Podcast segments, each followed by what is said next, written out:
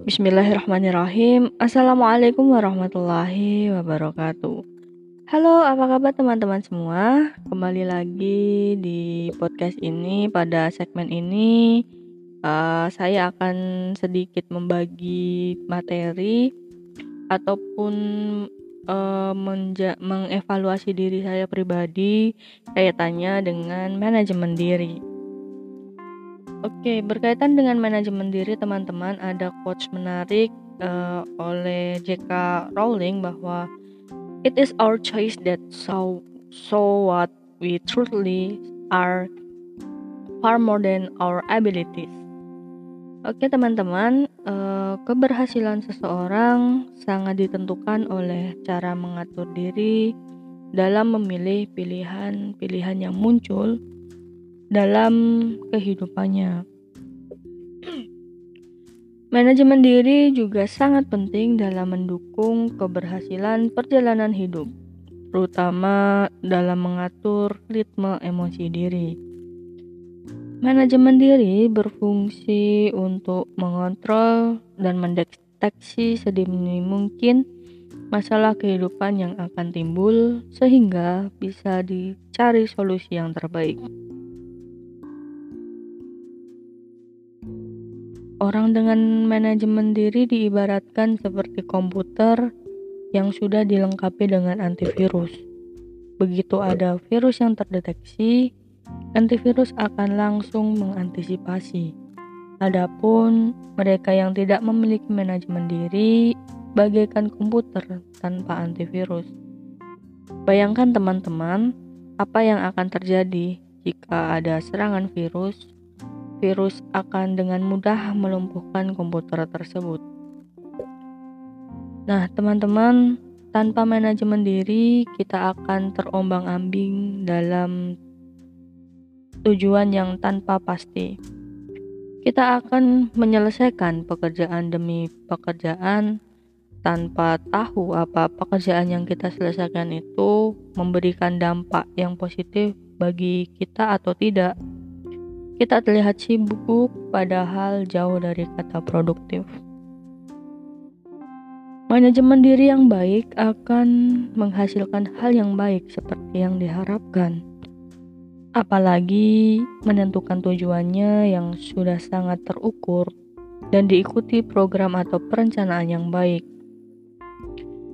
Yang tidak kalah penting teman-teman adalah untuk memulai bertindak dan konsisten mengerjakannya walaupun halangan atau masalah datang. Nah, teman-teman semua, di sinilah letak emosi kepribadian memengaruhi seseorang dalam mengambil keputusan. Semakin tenang dan bijaksana emosi seseorang, maka masalah akan semakin cepat terselesaikan.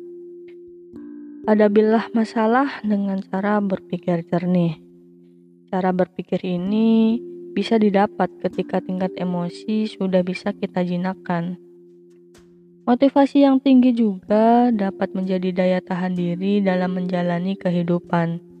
Semakin tinggi etos motivasi seseorang, semakin baik ketahanannya dirinya ketika dihantam berbagai masalah. Teman-teman semua perlu kita ketahui bahwa sukses bukanlah kebetulan. Sukses itu direncanakan dan diprogram. Sukses itu harus diundang atau dijemput. Tidak bisa datang secara tiba-tiba. Sadari hal ini dan segeralah membuat program hidup Anda dengan manajemen diri yang baik jika Anda ingin berke keberhasilan menghampiri Anda. Dalam ilmu NLP Neurolinguistic Programming ada yang namanya modeling. Modeling adalah melakukan proses duplikasi atau meniru keunggulan seseorang yang sukses dan excellent di suatu bidang. Modeling dalam NLP memungkinkan Anda untuk mempelajari seseorang dalam rangka mengidentifikasi dan menduplikasi keahliannya.